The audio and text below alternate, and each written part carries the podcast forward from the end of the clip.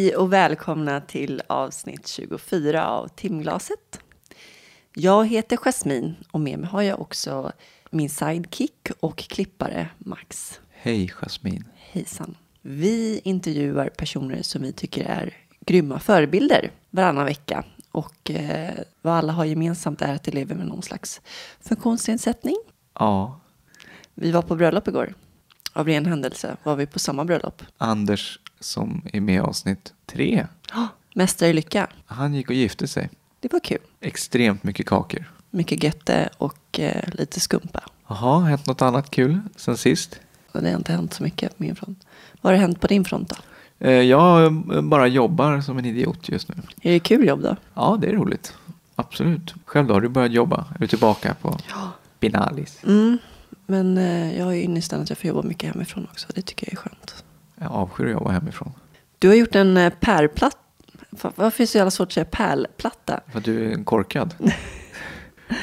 Du har gjort en pärlplatta Ja, med 600 pärlor. 6000 pärlor. 6000! Ja. Va? Jag, har, Jesus jag, jobbar, Christ. jag jobbar på en nu som är 15 000. Men det är ju helt galet. Ja. Du har ju typ förlamade händer. Hur går det till? Det går till att man, man slickar på långfingret, duttar på en pärla, sätter dit den. Har man tur så räcker salivet till ytterligare en pärla så får man slicka på fingret igen. Trevligt. Ja, Hur många timmar tog det? kanske tog 30 timmar. Det är alltså så här man printar ut en fotografi av, gör datorn om det till siffror och så lägger man pärlor efter det. Så det blir som en stor pixlad bild, det blir som ett, port, ett porträtt. Liksom. Mm, det är grymt gjort i alla fall. Men alltså Max, du måste skaffa en tjej. Det är det. Det är där Så att hon kan lägga pärlorna.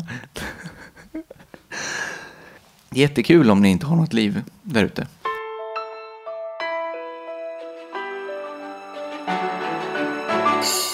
Idag ska vi träffa Gunilla. Hon föddes med en arm. Av vilken anledning då? Ja, det vet man inte. Missbildning Missbildning. bara. Och ehm, senare på 80-talet så tillhörde hon den absoluta världseliten i de alpina grenarna inom handikappidrotten. Och ehm, sen pluggade hon till sjukgymnast. Och nu har hon två vuxna barn. Hon är gift, bor i Göteborg. Sen glömde du den lilla detaljen att innan hon fick barn så bröt hon ryggen. Ja, i en ridolycka. Hon var i 30-årsåldern. Vilket inte är ultimat om man sitter i rullstol att vara enarmad. Nej, för där man är väldigt beroende av att kunna ha bra balans. Det blir lite asymmetriskt med en arm. Men tydligen så går det ändå. Ja, hon är ett tydligt bevis på det kan man ju lugnt säga. Helt galet faktiskt. Hon eh, jobbar på Personskadeförbundet RTP sedan många år tillbaks. Vi ska också säga att det här avsnittet spelades in i mars i våras när vi var på en tripp till Göteborg. Ja, Då vi intervjuade tre personer och då var Gunilla en av dem. Och här kommer Gunilla.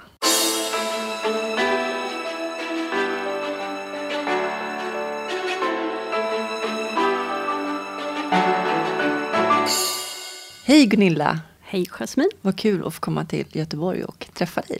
tack så mycket. Ni är välkomna hit. tack. Hur är läget? Jo, det är bra tycker jag. Hur har din dag sett ut? Den har varit en ganska lång stund in i skogen med min eh, ohängda hund. Hur går det att vara i skogen? Det går alldeles utmärkt sen jag har skaffat mig eh, tillräckligt bra hjälpmedel för att vara i skogen. Mm. Så funkar det galant faktiskt. Hur tar du fram då? Jag har numera en sån här Trax, alltså elrulle som är terränggående elrulle. Och det funkar kanonbra. Den skaffade jag för två år sedan nu eller något efter att jag har numera en del kompisar som har hundar och så tyckte de att vad håller du på med? Men jag är ju väl uppfostrad inom ryggmärgsskadeområden att där ska man helst ta sig fram i en manuell rullstol själv. Och då vägrade jag det länge, länge trots att jag kanske länge har haft, behövt det som komplement. Men eh, så gick jag med på det och, sky- och skyllde på hunden då, naturligtvis. och sen dess så kommer jag numera ut i skogen Okej. och det är underbart skönt. Du har en hund, eller? Mm. Mm. Servicehund. Vilken sort? Labrador. Hur länge har du haft den? Hon blir fem nu, så fem år. Så att eh, hon har väl varit servicehund i två år nu.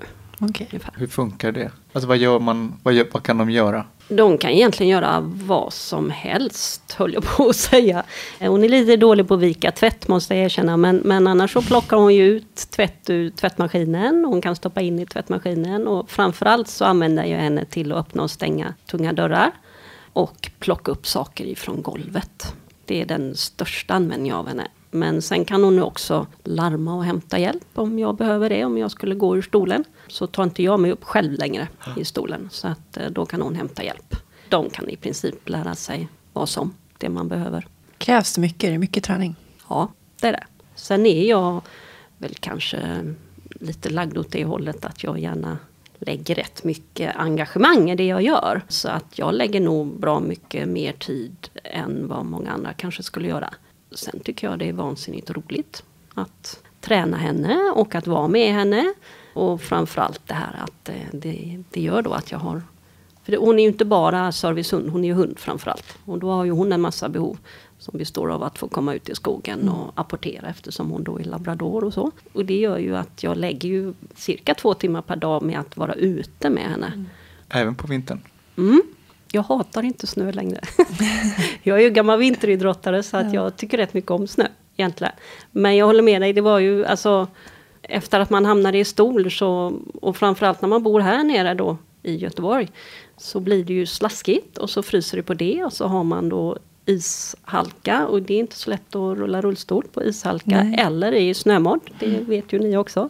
Och då eh, blir man ju ganska begränsad.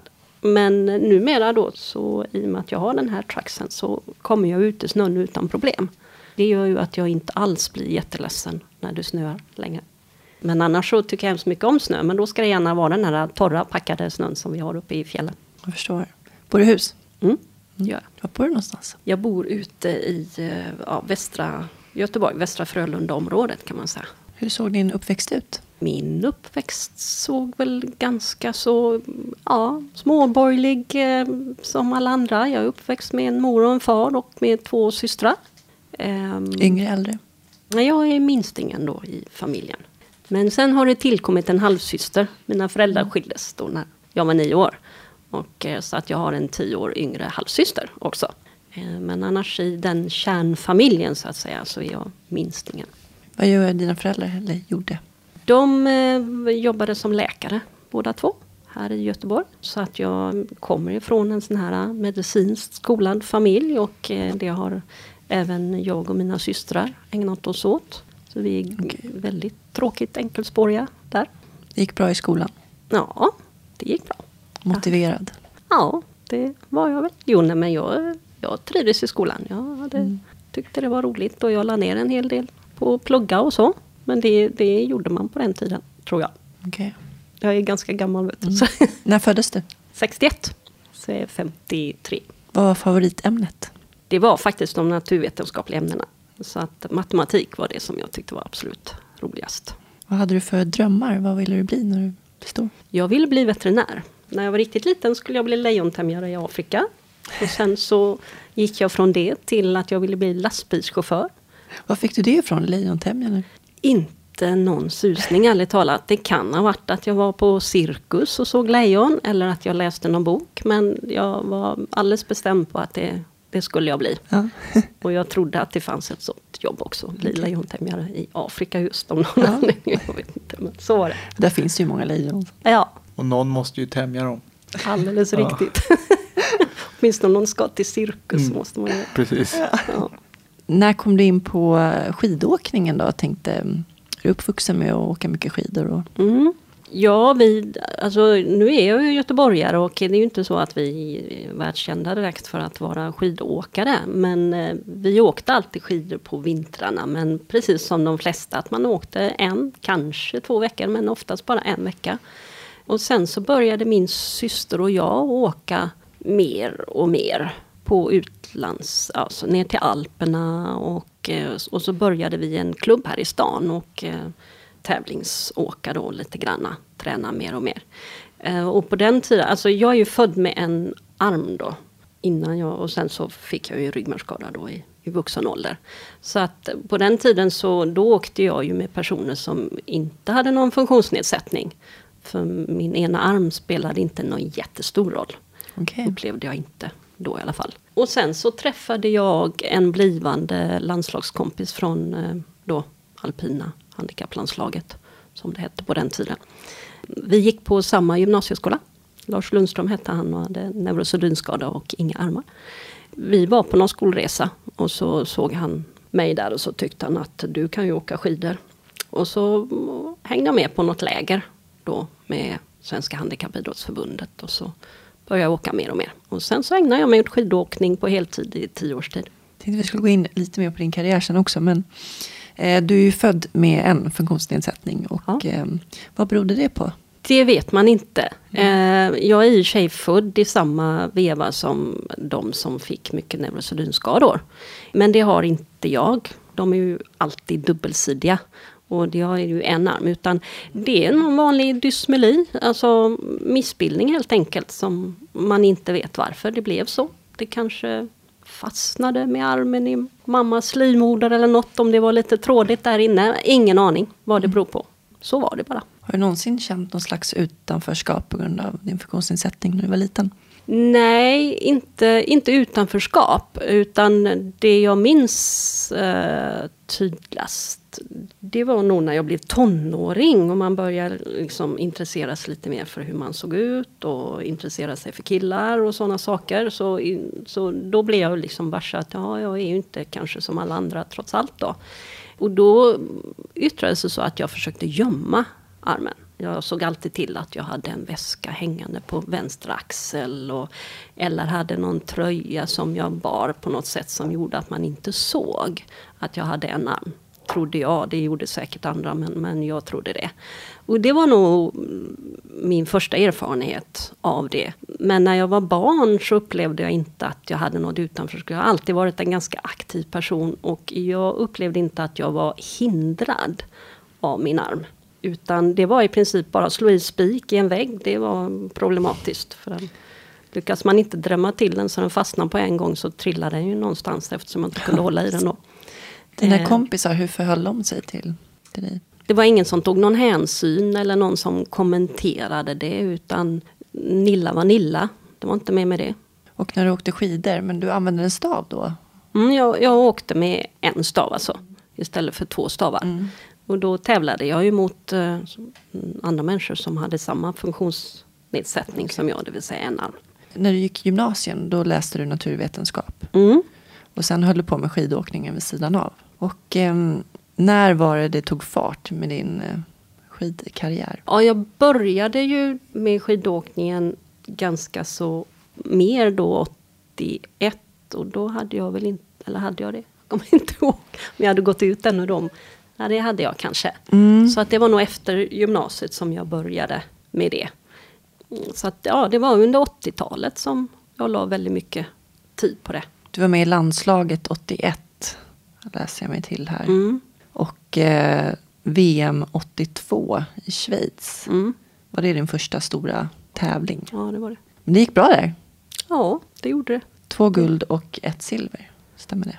Jag har inte riktigt koll. Som sagt var det var länge sedan. Så att jag inte riktigt på det. Men ja, det kan stämma. Det var något sånt Hur kändes det då? Jo men det var ju fantastiskt naturligtvis. Jätteroligt, verkligen. Och eh, naturligtvis en stor inspiration för att man känner att ja, men det här vill jag fortsätta att satsa på ett bra tag till och bli bättre och bättre. Då. Vad tyckte dina föräldrar om ditt eh, Ja, de var helt, helt för det.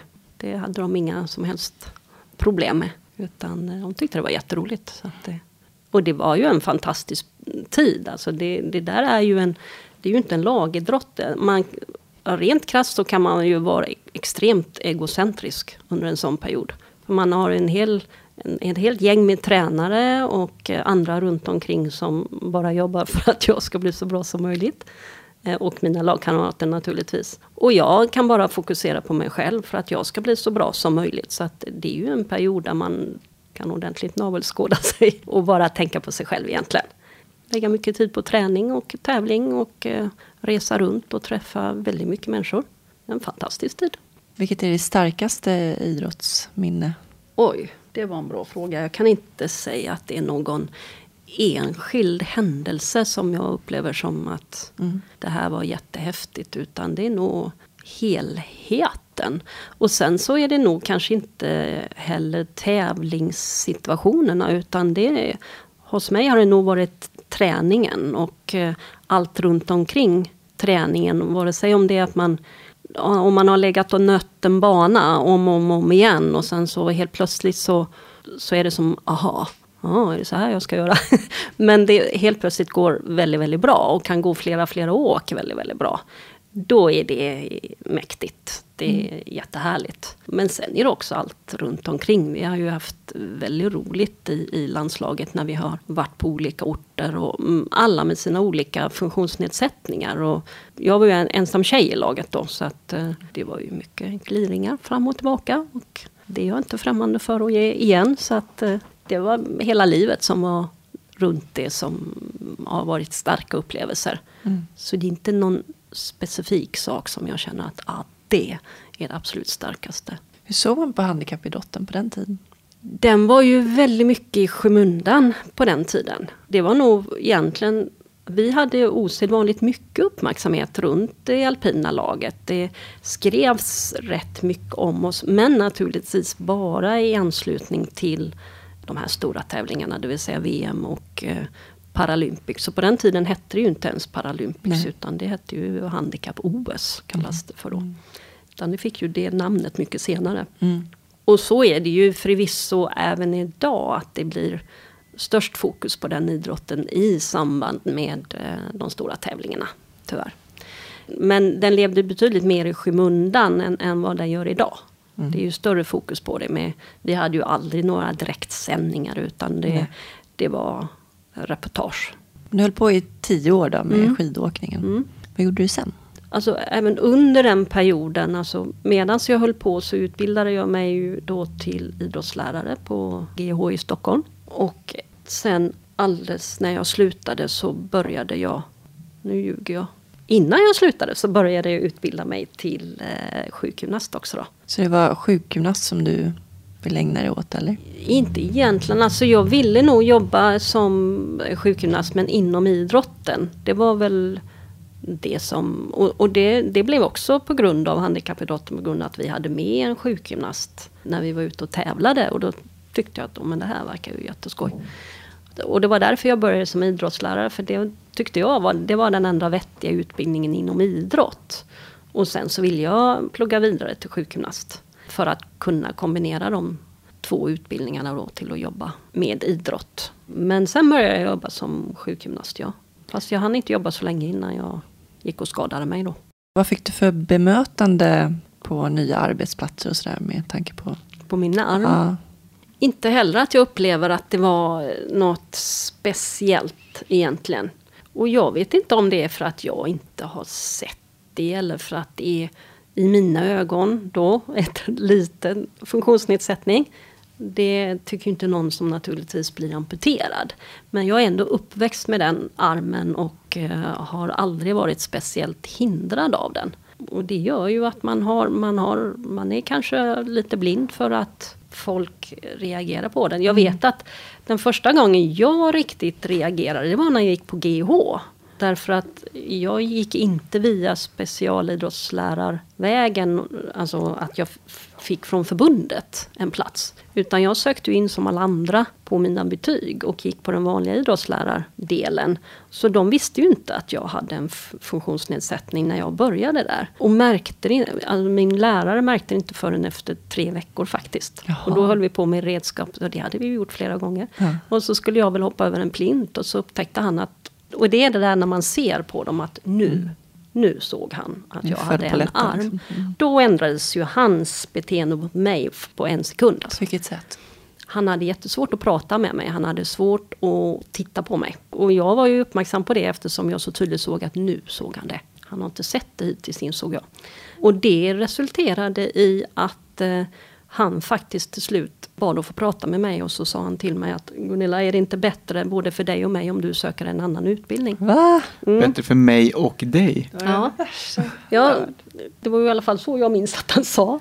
Och det var ju för att han, han var så fast inställd på, alltså han tillhör ju den här gymnastikdirektörs perioden. Det var ju så det hette förr. Mm. Och i hans värld så ska man vara en perfekt gymnast då. Och det fanns ju naturligtvis grejer jag inte kunde göra. Jag menar romerska ringar är lite svårt med en arm till exempel. Så att han, han hade svårt att hantera det och tyckte då att det här kommer aldrig funka. Då sa jag att det är möjligt att det är bättre för dig men för mig är det inte bättre. Och så gick jag därifrån. Och sen hörde jag inget mer om det förrän de skulle, TV skulle komma till GH därför att drottningen då, eh, Silvia, engagerade sig i eh, funktionshindrade barn och deras möjlighet för idrott. Och under utbildningen där så får man hade de något pass på kvällen där det kom in ganska så svårt funktionshindrade barn. Och då fick alla ettor hjälpa till. Och så fick man då samtidigt lära sig lite grann om eh, funktionsnedsättningar.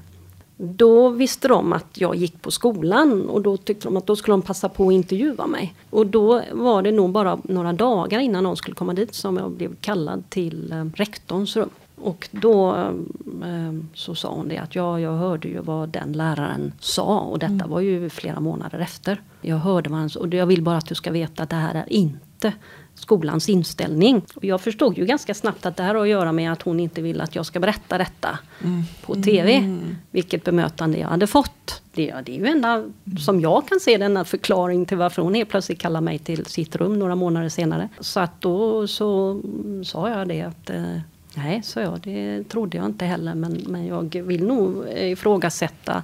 Det är ju faktiskt så att ni ska utbilda oss till att kunna eh, ha elever ute i skolan som har funktionsnedsättningar och som kanske inte ens är intresserade av idrott. Och hur tror ni att vi ska klara det om en av era lärare inte kan klara en elev som dessutom är extremt intresserad av idrott? Så att jag tycker ni ska fundera på att hantera den här frågan på ett något bättre sätt. Och så avslutar med att säga, men jag lovar dig, jag ska inte säga någonting på TV. Och så avslutar vi.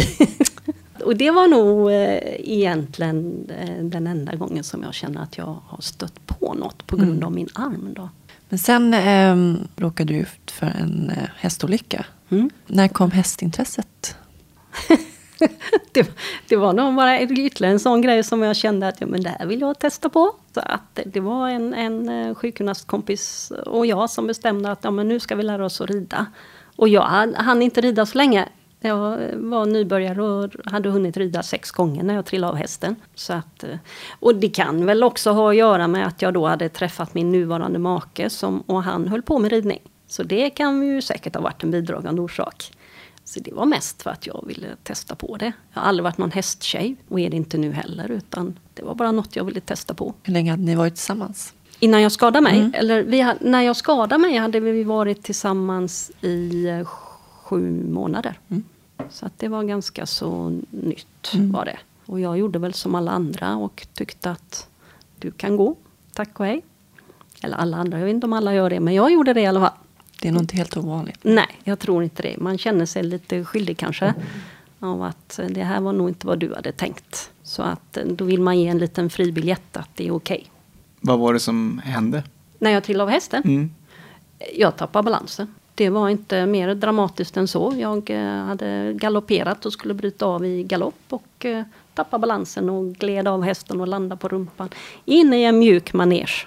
Så jag trodde ju garanterat att jag skulle bara ställa mig upp och ha lite ont i rumpan. Men det kände jag ju ganska snart att så var, så var det inte. Så att eh, det hade precis lika gärna kunnat gått bra. Men jag hade otur. Kände du smärta? Ja, jag hade väldigt, väldigt ont. Men kände på en gång att du inte kunde röra på benen? Ja, jag kunde röra lite på benen faktiskt. Okay. Men jag, i och med att jag då var sjukgymnast så insåg jag att här är något som är väldigt fel. Så att eh, jag sa till dem att röra mig inte och så hade jag min sjukgymnastkollega där.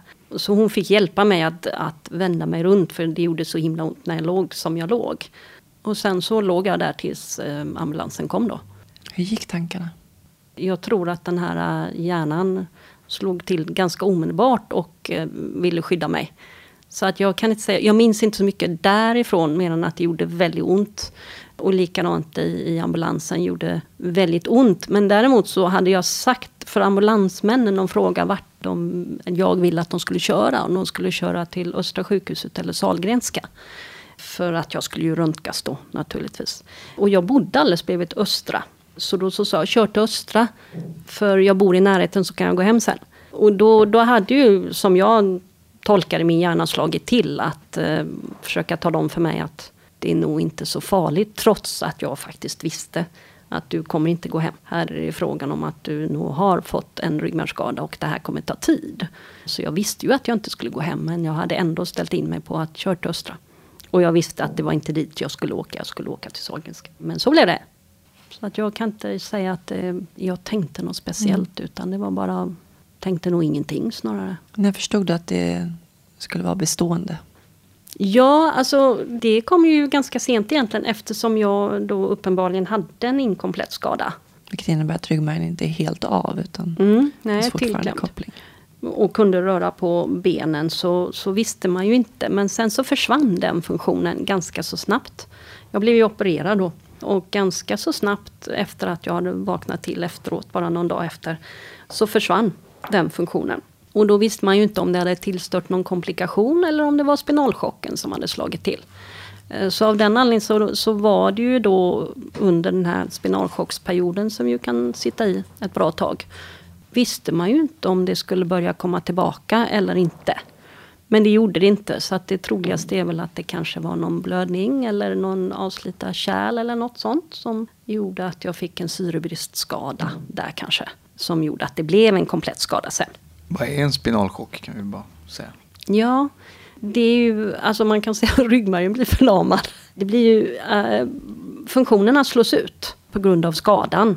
Vilket gör att man kan te sig som komplett skadad nedanför skadenivån trots att man kanske inte är det. Och det, det blir ju lite svullnader där som ska lägga sig helt enkelt. Det är, det är svullnad på ryggmärgen som Ja. gör att skadan blir svårare än vad den är, kanske är sen när Mm. svullnaden har gått ner. Mm.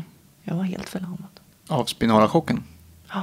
Men det var jag också tror jag. Mm. Eller om det var inflammationen, det vet jag inte. Men eh, din, då var han pojkvän. Stannade kvar i alla fall. Ja, han gjorde det. Han, eh, jag gav ju honom respass som sagt var. Men eh, han sa, hans reaktion var ju då, ja men det är ju dig jag älskar och inte dina ben. Och för mig så, mm, liksom jag kunde man tänkte, ja men det säger han bara för att han vill vara snäll. Helt enkelt. Eftersom jag själv då inte älskade mig själv så mycket just där så var det väldigt svårt att förstå hur någon kunde älska mig överhuvudtaget. Och det tog ganska lång tid innan jag kunde förstå det. Så att eh, jag gav hon ju no honom några, vid några tillfällen, kanske inte sa det rakt ut sen i fortsättningen att du får lov att gå.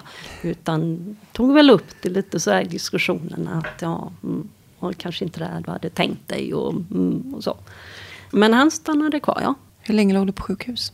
Jag låg ganska länge. I dagens mått så, eh, så låg jag länge. Jag låg sju månader. Och eh, på slutet så är det ju det där med, med att eh, inte ha något boende som funkar. Så det är säkert någon månad utav det.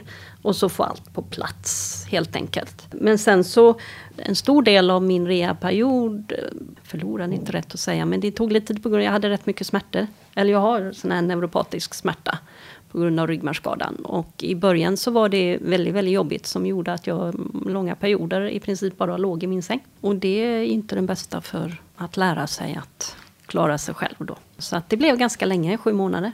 Hur mådde du då, den här tiden? Jag mådde jättedåligt. Jag ville inte förlika mig med att vara som alla de andra. Utan jag tyckte jag vill inte alls ut i den här gympasalen och träna. För det är ju dem, det är inte jag.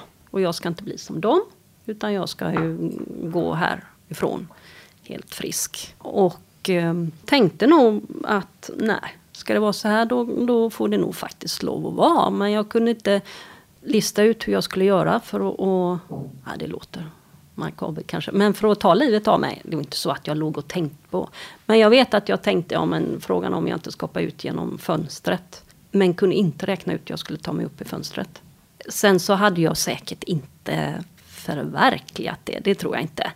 Men jag mådde kanondåligt, det gjorde jag verkligen. Men sen är ju det där vad man visar utåt. Utan inombords mådde jag jättedåligt. Eh, Men utåt så kunde man väl vara check och glad och keep up appearance.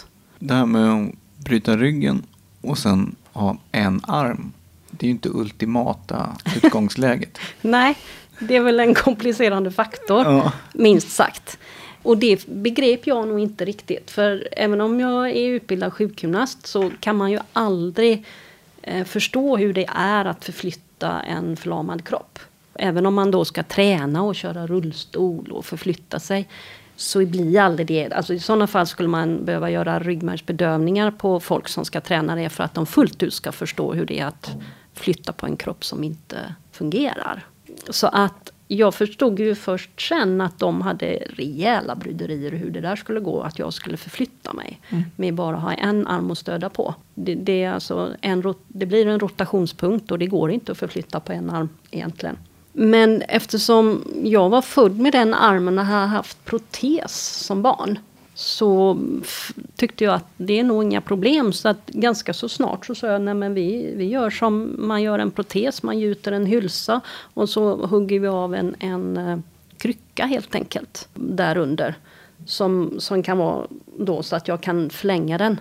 Så att det blir, när man ska förflytta då i olika nivåer, att det skulle hjälpa mig, att den kan bli längre ibland och kortare ibland då. Och så fick en sån här ortopedtekniker komma dit och så gjorde de en sån och det fungerar alldeles utmärkt. Det är den som är, sitter på rullstolen. Alldeles riktigt, som alltid är med mig och som är precis lika viktig för mig som rullstolen. För utan den så tar jag mig inte ur stolen och till något annat då. I och med att jag inte, jag faller ju utanför normen, det ska ju erkännas. Det, det finns inte jättemånga personer med eh, ryggmärgsskador som dessutom har en arm. Nej, oddsen för det är nog inte så... Nej, inte så liksom- höga. Gör ju att man själv kanske får komma på en del lösningar.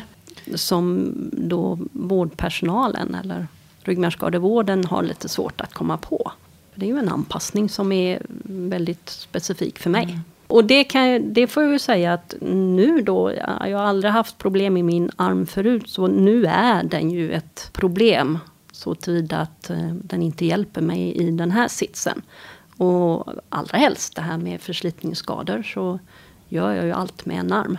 eh, Och har gjort i 23 års tid nu. Och det börjar ju, eller ja, det har tagit ut sin rätt. Så att eh, den blir sämre och sämre. Orkar inte räkna här. Utan hur gammal var du då när du 30 när jag skadade mig. Mm, okej. Så jag var ju ganska gammal. Eller ja, Och vilket år var detta? 91. Vad har jag skrivit? Eh, 24 år sedan helt enkelt. Ja, till hösten så blir det det. Mm. Mm. Du måste ju varit jäkligt förbannad på livet. Jag tänker att det är man ju redan utan att ha en funktionsnedsättning sen innan man skadar sig. Liksom blir man ju, tycker man att det är orättvist. Men liksom du som redan hade ett annat utgångsläge. Man måste ju... Jag tänkte nog inte så eftersom min arm ju var så mycket en del av mig. Så att, eh, men jag kan ju tänka mig att andra har nog tyckt att men hallå, det räckte inte med en sak. Däremot så vet jag att jag idag kan, alltså ibland så kan man ju få för sig att mm, nu är man nästan skyddad för att något mer ska hända. Efter att man har fått en ryggmärgsskada. För nu har livet ändå varit så taskigt så att eh, då kan det väl inte komma någon, något mer. Men det är man ju naturligtvis inte. Nej, jag menar, vi kan ju bli sjuka som alla andra. Men då tänkte jag inte så att jag skulle vara förbannad på livet, att livet har varit extra orättvist mot mig. Jag menar, det har ju hänt mig fler saker sedan dess. Jag menar, livet händer. Och livet är inte rättvist på något sätt. Utan eh, jag har, jag har alltid levt enligt den alltså devisen, alltså det här ordspråket, det är inte hur man har det utan hur man tar det. Och det har alltid varit mitt livsmotto på något sätt. Och det sker förändringar i livet. Och då får man eh, hantera dem på bästa sätt. Nu känner jag ju att jag är inne i en ny förändringsperiod just med det här med åldrande med ryggmärgsskador och de förslitningar som har kommit. Vilket gör att, ja bland annat det här med att jag har en elrullstol. Det var för mig för tre, fyra år sedan var fullständigt otänkbart. Jag skulle aldrig sätta mig i en elrulle. För det passar inte med min image av att vara självständig. Men det gör jag ju idag. Och eh, jag har en annan typ av bil som gör att jag inte behöver lyfta ur själv min rullstol utan jag rullar in i den. Jag har en servicehund och så att successivt så har jag ju då hanterat de nya förändringarna som kommer. Det stör mig ärligt talat de här otroligt kategoriska gränserna för vad man ska kunna göra och inte göra beroende på om du är, ja, är du en parra, då ska du kunna det. Och då ska du ha den typen av drivringar och du ska göra så och så. Och är du en tetra då ska du kunna det. Och det har stört mig alltid och jag blir rent ut sagt förbannad när jag ser dessa kategoriska uttalanden om vad man ska klara och inte klara. Och det kommer kanske ännu mer i det här med att man har levt så länge med en ryggmärgsskada. Där jag ser alltså, effekten eller resultatet av att rent dumdristigt försöka passa in i den här stereotypa rollen så betalar man ju priset nu då för att göra det. Och jag tycker det är olyckligt just eftersom det hela tiden kommer personer som är nyskadade. Och de suger ju i sig precis som vi har gjort, så suger man ju i sig råd och tips från alla andra med ryggmärgsskador. Och då tycker jag man ska vara så pass ödmjuk att man inser att det finns variationer. Alla människors behov är individuella. Sen naturligtvis att man ska visa på så här långt går det att flytta sina gränser. Och eh, att du ska sträva efter att klara så mycket som möjligt. Och framförallt sträva att försöka göra dina drömmar och dina mål i möjligaste mån. Sen så får du kanske anpassa hur du gör dem utifrån vad du har för funktionsnedsättning och vad dina behov är. Men eh, jag tycker man ska passa sig för att vara alltför kategorisk i det där. Som sagt, vi är ju olika individer och vi vill ju leva olika liv. Ja, och det har man rätt att få välja hur mm. man vill leva. Precis. Men det var sju månader på sjukhus. Mm. Förresten, jag brukar alltid fråga om du kan beskriva din funktionsnedsättning. Nu har du pratat en del om det. Men... Ja, jag är som sagt var född med eh, en arm. Eh, vänster underarm är borta. Och sen så har jag en, en låg eh, skada, ryggmärgsskada. Så att jag har en, en låg paraplegi. Så att, ja, ingen funktion nedanför höfterna. Hela bålen har jag intakt. Ingenting i benen och inte då höftböjare och höftsträckare heller. Så att lite taskig balans men bättre balans än många. Det har jag. Då tar vi vidare efter sjukhuset då, när du mm. kom hem. Hur var det att komma hem till verkligheten? En chock. Jag tror att det är många gånger då som det ju eh, går upp för en hur det faktiskt är. Medan man är på sjukhuset så kan man skylla och skjuta framför sig. Och jag kunde ju skylla rätt mycket på smärtan. Att, eh, eller det här, men om bara den lägger sig så blir det nog bra. Och eh, de få dagar det då kanske var bättre, så då hade man ju något annat. Ja, men bara det blir så blir det nog bra. Bara jag kommer hem från sjukhuset så blir det nog bra. Man kunde putta liksom verkligheten ifrån sig lite grann framför sig. Och sen när man kommer hem, då slår det ju en att jaha, det är så här resten av livet blir. Och sen så är hela skyddsnätet borta borta. Man är inte i en helt anpassad miljö längre. Och man har inte fullt med människor omkring sig som är vana med personer med en ryggmärgsskada. Utan då ska man ut där i verkligheten och i livet. Och då är det lite då är det skrämmande. Jag tyckte det var skrämmande. Första gången rulla ut själv. Bara rulla ner och handla första gången ta en kantsten själv när det inte fanns något skyddsnät runt omkring. Det var skrämmande och nog tusan gick jag på mina smällar. Jag for ur stolen och eh, men det fanns ju alltid någon snäll människa som kom förr eller senare i sådana fall om jag inte lyckades ta mig upp själv. Så att eh, det var en, en eh, orolig tid. Men successivt så så lärde man sig det ena och det andra och man blev säkrare och tryggare och började må successivt bättre. Men jag upplever nog att jag vet att det, jag en dag fick en tanke i huvudet att ja, men det här är rätt okej, okay, det här kan jag faktiskt leva med. Och det var så lång tid som fyra år efter min skada. Och då hade jag ändå fött barn däremellan. Vad var det som utlöste det då? Det vet jag inte. Det var nog livet. Utan det var nog det att men jag lunkade på som alla andra i, i vardagslivet. Jag hade familj och jag jobbade och jag var inne i vardagsstressen som alla andra. Och så konstaterar man väl helt, helt enkelt att ja, men det här rullar ju på, det här går ju bra. Och det kanske var en solig dag, jag hade kanske en god kopp kaffe eller, eller vad det var. Men jag kommer väl ihåg att, jag tänkte, att tanken kom att ja, men det här är helt okej. Okay. Jag kan leva med det här. När fick du ditt första barn? Det fick jag 93, så det var ganska exakt två år efter min skada. Och det var ju inte alls planerat. Jag har två, två söner. Och eh, ingen av dem är planerade, utan det blev så. Och eh, den, det, var, det förespeglade inte mig alls att inte föda Mattias då. Utan, och min man och jag, vi bodde inte ihop då. Vi är ju gifta idag då, men, men vi bodde inte ihop då. För det var jag benhård på, att när jag skulle flytta hemifrån sjukhuset, då skulle jag bo själv. Okay. Och det var för att eh, jag eh, sa att nej, jag vill inte in i någon roll där du ska hålla på och hjälpa mig med allting, utan jag ska se hur mycket jag klarar själv. Så att jag flyttade till min lägenhet. Och vi bodde inte ihop när jag skadade mig heller. Sen har han då en, en dotter sedan ett tidigare äktenskap. Så att jag ville bo själv. Och så blev jag gravid. Så vi flyttade ihop två veckor innan Mattias kom. Det var ju en liten spark i rumpan var det ju. Det var ju framförallt så, så var, jag, var jag ganska tungt smärtmedicinerad helt enkelt. Och, då, och det var jag ju tvungen att sätta ut väldigt snabbt den medicinen. Eftersom det inte var mediciner som är bra för ett foster. Och det var en riktig pers. Ja, det måste varit tufft. Jag brukar säga ibland att en ryggmärgsskada är ja, droppe i havet jämfört med att, att gå på en avgiftning. Det var, det var Och jättetufft. vara gravid. Ja, det var, då, må, då var jag inte jättefrank. Det ska jag på, villigt erkänna. Men ändå var det så att och, och just det här med att ni frågar ju vad mina föräldrar gjorde, de var ju läkare. Jag kom ju då från en medicinskt skolad familj, gjorde att man då upplevde att det här fixar vi själva. Så jag var ju inte inlagd för avgiftning utan det, det roddade vi på hemmaplan.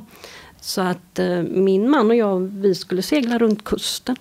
Skulle segla upp till Stockholm och gå kanalen hem sen då. Och det sa jag till min smärtläkare och så sa jag, ja, ja men nu sticker jag nästa vecka. Ja, tack, bra, lycka till. Och jag hade fått Alvedon att ersätta mig. Och i min omtöcknade hjärna så vet jag att jag tänkte att Alvedon ska ersätta morfin och epileptiska preparat. Hur ska det här gå? Men ja, ja, det går väl säkert jättebra. Så att, eh, men det gjorde det inte. Vi kom eh, till Malmö, började tjorva till sig och från Kalmar så fick jag hoppa av. För då var det riktigt illa. Och så hem sen. Och så gick min familj jour. För Arne, min man då, han var ju kvar vid båten då. Tills, och då fortsatte de några dygn och gick jour. Rosa elefanter och gud vet allt vad det var i princip. Och så la de in mig till slut. För, då- och då var det faktiskt barnläkaren som ville lägga in mig och, och, och stoppade allting. Och sa att eh, stopp, stopp. Så fick jag ha kvar lite, lite medicin.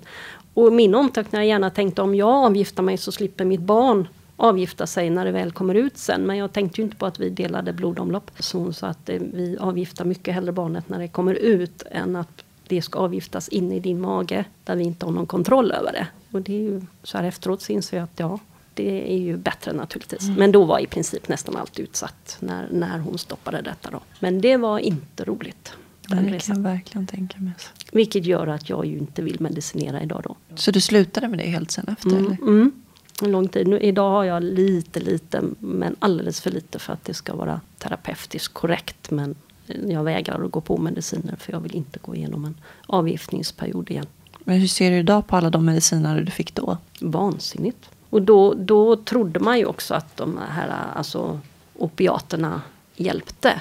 Och det gjorde de ju så tillvida att man var så avtruppad. Men körde bil gjorde jag ju med detta. Vilket också är ju fullständigt galet. Men jag levde i en glasburk i två års tid. Där jag liksom efteråt inser att men hur galet är inte det här? Men, men hjärnan var ju inte riktigt med. Men eh, ja, hur gick förlossningen? Det gick eh, alldeles utmärkt. Jag har ju som sagt var en låg skada så jag har ju hela, hela eh, bålpaketet med och krysta med. Och, utan istället är det ju så att jag har inget att, att spjärna emot med. Så att därför så trillar ju mina barn ganska enkelt ut. Lustgasen var en bra kompis, Ja. det tycker jag. så att det, det gick eh, väldigt smidigt faktiskt. Hur kändes det sen då? När du blivit mamma? Jo, nej, men det var ju det är härligt naturligtvis. Med Mattias så var ju den första perioden var ju lite tuff just för att jag hade en del smärta då. Eh, eftersom jag fortfarande var lite avgiftning kvar. Men som sagt var, han har ju hjälpt mig rätt mycket att att verkligen komma tillbaka till livet ordentligt. Han var ju mer eller mindre tvungen att göra det. Och eh, barn är ju härliga. Så att eh, det tycker jag om. Men det måste ju vara ganska kämpigt att ta hand om en unge med rullstol och en arm. Och... Ja, fast jag har inte upplevt det som det. det jag, menar, jag har mina referensramar och du har dina referensramar. Och för mig så är det här naturligt och det här är det jag har att jobba med. Och sen har jag hittat mina lösningar som funkar för mig. Andra kan ju säkert ha tyckt att hur ska det där gå? Jag vet att eh, vi bodde till exempel då mm, eh, i ett hus där, det var en lekplats på två olika nivåer. Det var alltså en lekplats och sen så var det en övre lekplats där det var en trappa emellan. Och för att komma till den i rullstol så var du tvungen att rulla runt ett stort hus. Och det var ju den största abet för Mattias, min äldste, det var en sån här riktig rymmare. Det var alla dagisföräldrar de frågade, är Mattias här? Nej, han gått hem. Ja, bra, då kan vi lämna grinden öppen.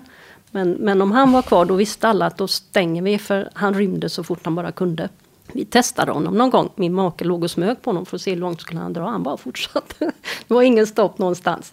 Och det var ju då min, min skräck var ju att han skulle hinna upp i trappan en bit innan jag fick tag i honom. För då var jag ju tvungen att rulla runt ett stort eh, flervåningshus. Och vid det laget upp för en backe.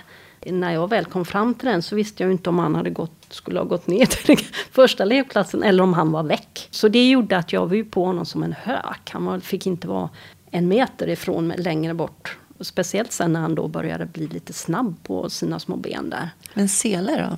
Det är ju många som använder så. Ja, du, det prövade vi på honom. Okej. Inte poppis. Nej, vi prövade det när vi var ute och seglade. Och eh, så skulle vi gå i, i ja, var vi land och promenera. Så om du vet, om en ja, sådana här hundar som ska gå allra längst ut. Eh, han drog tills det tog slut i selet och sen ställde han sig i 45 graders synkro och gallskräck. Och skulle kategoriskt gå åt ett annat håll än vad vi skulle gå. Så vi gav upp det snabbt. Men vad jag gjorde då, det var ju att jag fick, alltså när vi var på lekplats, jag fick köra omkull honom. För, att, för då hann jag få tag i honom. Jag körde på honom i rullstolen. Så han trillade. Men de är ganska små så de slår sig inte så jättemycket. De faller inte så långt. Så, så det gjorde jag. Och då vet jag att jag kunde, det, det, speciellt en gång så hörde jag ju, det var två äldre damer där. Som reagerar. Ja, de viskade till varandra, sådana där ska inte ha barn. Sa de då. Jag låtsades som att jag inte hörde vad de sa. Det ser ju naturligtvis inte så bra ut när jag kör omkull min egen son. Men han var van vid att morsan gjorde sådana saker. Och sen lyfte jag honom i kläderna liksom. Från golvet och så när han var riktigt liten. Sen lär de sig ju snabbt. eh, Att eh, vad som funkar och inte funkar. De lärde sig jättesnabbt att eh, när mamma är, vi är ute på köpcenter med mamma, då går vi bredvid mamma. För mamma är benhård på det, att vi inte får gå iväg. Det var någon gång som vi var, både min make och jag var på eh, något köpcenter med, med om det var båda ungarna då. Och så var en av dem borta helt plötsligt. Och så, och så, så men vad är, vad är han då? Och så jag vet inte, han håller sig alltid bredvid mig. Så att jag släppte, hade ju släppt det. Att ha koll på honom, för jag visste att ungarna höll sig bredvid mig. Medan det gjorde de ju inte när de var med Ane. Utan, för han höll ju fast i dem då. Eller hade koll på att de inte drog iväg. Så att eftersom Arne var med, då var det okej att försöka smita. Testa gränserna. Ja, och då blev det det här, det här typiska. Att de hittar ju på grejer med honom som de aldrig hittade på med mig. För de visste att det funkar. Och jag var, ju- var ju ganska konsekvent och kategoriskt så att gör nu inte som jag säger, ja, men då åker vi hem. Det hotet förverkligade ju jag då. Det är ju många föräldrar som säger om du inte sköter nu så går vi hem. Men så går de ju inte hem. Men det gjorde jag för, och det var ju ett sätt att, att lära dem att det, det är morsans ord som gäller här annars så är vi inte kvar. Jag var en ganska elak mamma. Men hur lärde du dig leva med smärtan igen då? Ja, eh, det är också en sån här hanteringssak. Alltså, man, man blir van vid att ha smärta jämt. Sen så beror det ju på... Den är ju inte konstant, utan den går ju upp och ner. Och när den eh, är värre, alltså jag har ju dagar fortfarande där den är riktigt illa. Då, då, då bäddar jag ner mig i princip, eller vill gärna göra det. Jag, jag går in i mig själv och så sitter jag så långt jag bara kan in i min kropp och försöker inte vidröra huden ingenting. Då. Jag upplever det så i alla fall. Men de är ju ganska få de tillfällena numera. Och däremellan så är det hanterbart. Det är alltid ett brus där. Ett eh, smärtsamt brus. Som jag kan förtränga mer eller mindre. Nu när vi pratar om det så blir ju bruset mer påtagligt. För då, då blir jag medveten om det mycket mer. Brus, hur menar du? Jag kallar det så, ett, smärt, ett smärtbrus. Det ligger hela tiden. Jag ett, förstår vad du menar. Jag har lite samma sak Ja. i min fot. Sådär. Konstant. Sådär. Mm. Ja. Stickningar, Mm. brinner, sticker, hugger. Alltså, jag har ju också smärtor som jag Mm. efter första året prövat alla mediciner som fanns så var det bara så, nej, jag får skita i det. Och det var det som funkar bäst. Det är ju, och det är ju, det är ju en hanteringssätt. Sen så upplever jag då att det här bruset, det, är- alltså, jag tycker att det finns två olika typer av smärtor. Jag har det här konstanta bruset och den kan ju ligga på om man då tänker den här VAS-skalan, eller den här smärtskattningen, den kan ligga på tre och ibland kan den ligga uppe, och när den ligger uppe på 6, 7, 8, det är då det inte går att börja negligera det längre. Men när det ligger någonstans däremellan, då kan man med, i form av aktiviteter och att man håller igång så kan man negligera den. Men sen så kommer också de här, jag kallar dem för smärttåg. Sådana här snabba toppar. Som är oerhört intensiva och som kan sitta i kanske några sekunder upp till en halv minut. Och de går ju inte att negligera men de är ju så korta. Och det varierar hur ofta de kommer också då. Det där lär man sig att leva med. Jag upplever att det viktigaste för mig är att försöka ha någorlunda vettig balans i livet. Stress är, är inte bra för smärta, helt klart. Inte ha någonting att göra är värst för mig. Ja, Är jag liksom ledig då, då kan du då kan jag få ont och grejer. Då har man, liksom, kan man, då har man för mycket tid att fokusera på sånt. Då eh, distraheras du inte utav något annat helt Nej, enkelt, precis. utan då blir den mer påtaglig. Alltså det är ju ett förhatligt uttryck det där. Det är ju så många som säger det att, ja så säger läkaren det där för att lära leva med och så tycker man att de förstår ingenting. Men till syvende och sist så är det faktiskt det det handlar om. När det inte finns några terapier, några mediciner eller några andra mm, alternativa smärtlindringsvarianter då, eh, att ta till. Då, då är det en, en coping eller hantering som återstår helt enkelt. Och det är bara vi som kan göra det själva. Hur lever du ditt liv idag? Du jobbar på RTP. Mm. Vad, vad är det? Det är en eh, brukarorganisation eller medborgarrättsorganisation kallar vi oss för. Eh, en intresseförening för personer som har skadat sig på ett eller annat sätt. Det hette förr, eh, eller ja, RTP kallar vi det för, men vi heter ju Personskadeförbundet RTP idag då. Förut stod RTP för Riksförbundet för trafikolycksfalls och polioskadade.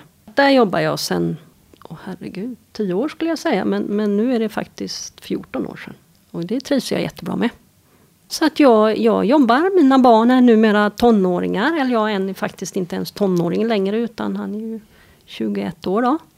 Ja, jag lever ett eh, riktigt eh, Svensson-liv med eh, jobb och familj och ja. Hur blev det sen när, när barnen blev större och sådär? Testade de gränserna mer eller anpassade de sig?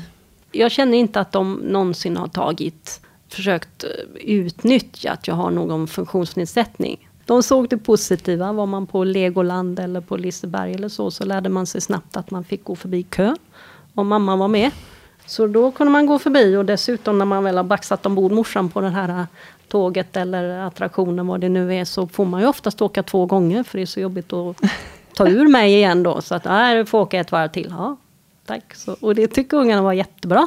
Så att, Men så funkar att- det? Är inte det läskigt? Alltså, tänker man har ju liksom inte mycket att skydda sig med. Liksom, ser- Alltså jag åker inte vad som helst Nej. längre, sån här uppskjut och nedskjut där, där inte mina ben sitter fast. Nej. För det har jag lärt mig genom diverse saker. Eh, Jag hoppade fallskärmshopp och då gick benen sönder. Och det är ju för att det Oj, är för vadå? ur, urkalkat. Bröt, bröt du benen eller? Ja, ett, eh, underbenet pajade. Jag gjorde sån där tandemhopp då. Ja, just det. Och det var ju jätteroligt. Men det var nog när man utlöste fallskärmen så blev det tvärstopp uppe i luften i princip.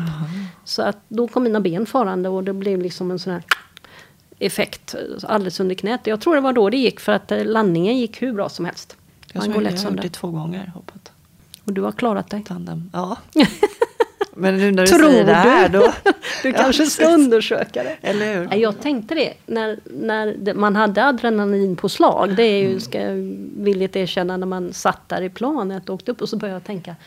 Men alltså Årén, den här fallskärmen. Den sitter på den andra killen. Det är inte du som har den. Så svimmar han eller om vi skulle på något sätt komma ifrån varandra. Så har du ingen fallskärm. Och då tänkte jag, det, är nog inte jättesmart egentligen. Men, men, men, men jag har alltid också haft en, det går nog bra. Och, Det går eh, nog bra. Ja, och det gör det för det mesta. Ibland gör det inte det. Och det numera så är jag så gammal och klok. Men efter att man då har börjat gå sönder några gånger så inser man att när den här tanken kommer att det går nog bra, då ska du tänka en gång till innan du verkligen gör det. Men annars har jag alltid varit sån, det går nog bra. Och det gör ju för mesta. När fick du beröm senast? Oj, nej men det... ja, det var nog inte så jättelänge sedan faktiskt. Som jag fick beröm. Eh, Jag har snälla människor i min omgivning som faktiskt bemödar sig att tala om för mig. Att de eh, tycker att jag gör bra saker ibland. Eller att det på ett visst sätt. Så det är inte så himla länge sedan. Vad är lycka och vad betyder lycka för dig? lycka för mig är nog att eh, ja, både det här att, att jag har möjlighet att försöka sträva efter mina mål och mina drömmar. Men också att jag kan inse att allt kommer inte bli som jag hade tänkt. Men att jag kan hantera det på ett sätt så att det är okej okay ändå. Det tror jag faktiskt är möjligheterna och insikterna om saker och ting. Det lät jättekonstigt men det, det är nog vad lycka är för mig. Vad betyder frihet för dig? Frihet, det är att jag kan vara helt själv ute i skog och mark. Frihet för mig är också att vara ute på havet, gärna när det blåser mycket. Har du segelbåt eller? Mm. Vi brukar vara ute fem veckor på sommaren. Numera med avbrott eftersom vi har tonårssöner som inte vill hänga med längre. Och vi inte gärna lämnar dem fem veckor ensamma i ett hus. Eh, Föräldrafritt. Ja, just det. Tjoho! Då får man gå hem med jämna mellanrum. En anpassad... Ja, precis. Hur funkar det rent praktiskt? Ja, det funkar så att, eh, att ta sig ombord. Om, jag inte, om vi inte ligger bredvid en, en sån här pontonbrygga så att det är en lagom höjd som jag kan hoppa över själv på. Då bär min man ombord mig. Eh, och då hänger jag som en ryggsäck på hans rygg, helt enkelt. Sen så klarar jag mig själv och då har vi anpassat den med att eh, min man konstruerade då för, nu är det ju det nästan, ja det är ju 22 år sedan, eller något då, 23 år sedan. En hiss som jag kan med hjälp av block och talja dra mig upp och ner från sittbrunnen ner i, i ruffen och tillbaka upp. Och sen så kan den svänga på en arm och så kan jag komma till britsen och så kan jag via britsen förflytta över. Och så har vi en liten förflyttningsbräda så jag kan komma i toautrymmet. Det jag tycker är lite tråkigt är att jag når pentryt. Annars så hade jag inte behövt bry mig om matlagning och diskning och sånt. Men nu gör jag ju det så då får jag bidra till den delen också. Men annars är det ju, och i övrigt så är det, är det inte, ja jag har när jag ska komma upp ur vattnet, trilla i, det kan jag göra utan problem. Men sen så ska jag upp så har jag också samma sak där, en block och talja och en sån här lyfta lättstol, en sån här tygstol i princip. Så drar jag mig upp. Och du hoppar ner i vattnet frivilligt? Du bara slänger du kan... ut? Jag älskar att simma. Okay. I havet älskar jag att simma. Så att det gör jag gladligen. Är det för varmt så blir jag inte så rolig att göra med. Så då gäller det att ha mig blöt. Så då, då badar jag jättemycket. Om du fick leva om ditt liv, skulle du göra någonting annorlunda då? Nej, det tror jag inte att jag skulle göra. Eh, nej. Vad skulle du vilja säga till någon som inte har någon erfarenhet av personer som lever med funktionsnedsättningar? Att vi är som alla andra. Vi är människor precis som alla andra. Det är inget konstigt med oss. Och vad ska du göra ikväll? Jag ska faktiskt hem och så ska vi grilla för första gången i år. Med, är det inte lite kallt? Ja, men man går in och äter ja, inne. Man förstås. bara tillagar maten mm. där ute. Så att, eh, det går alldeles utmärkt. Och så kommer några vänner och äter med oss då. Mm. Så det är vad vi ska göra ikväll. Det låter jättetrevligt. Mm. Tack så mycket Gunilla. Tack själv.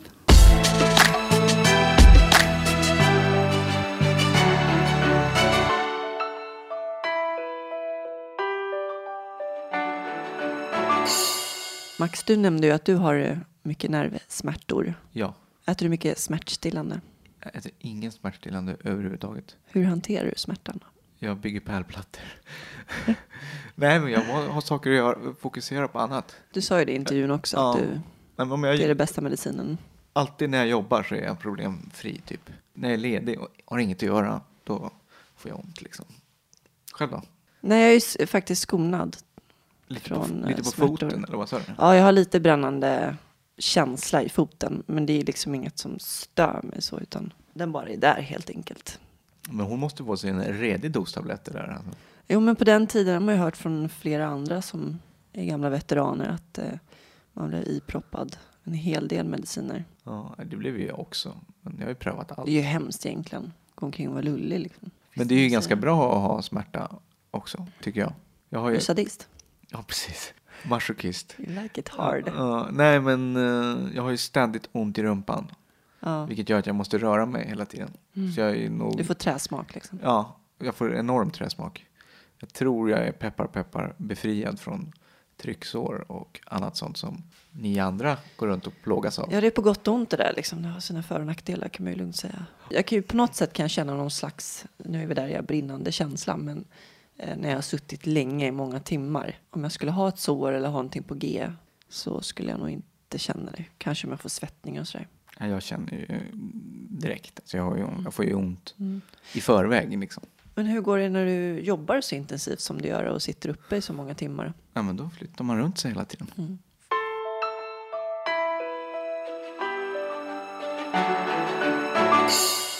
I nästa avsnitt ska vi träffa Pelle som är vice ordförande för Handikappförbunden och ordförande i Personskadeförbundet RTP på Han- samma ställe som Gunilla jobbar på. Han har varit med ett tag. Han har varit med ett tag. Pelle föddes på 50-talet och när han var sex år så drabbades han av polio. Så han har suttit i stol ett tag.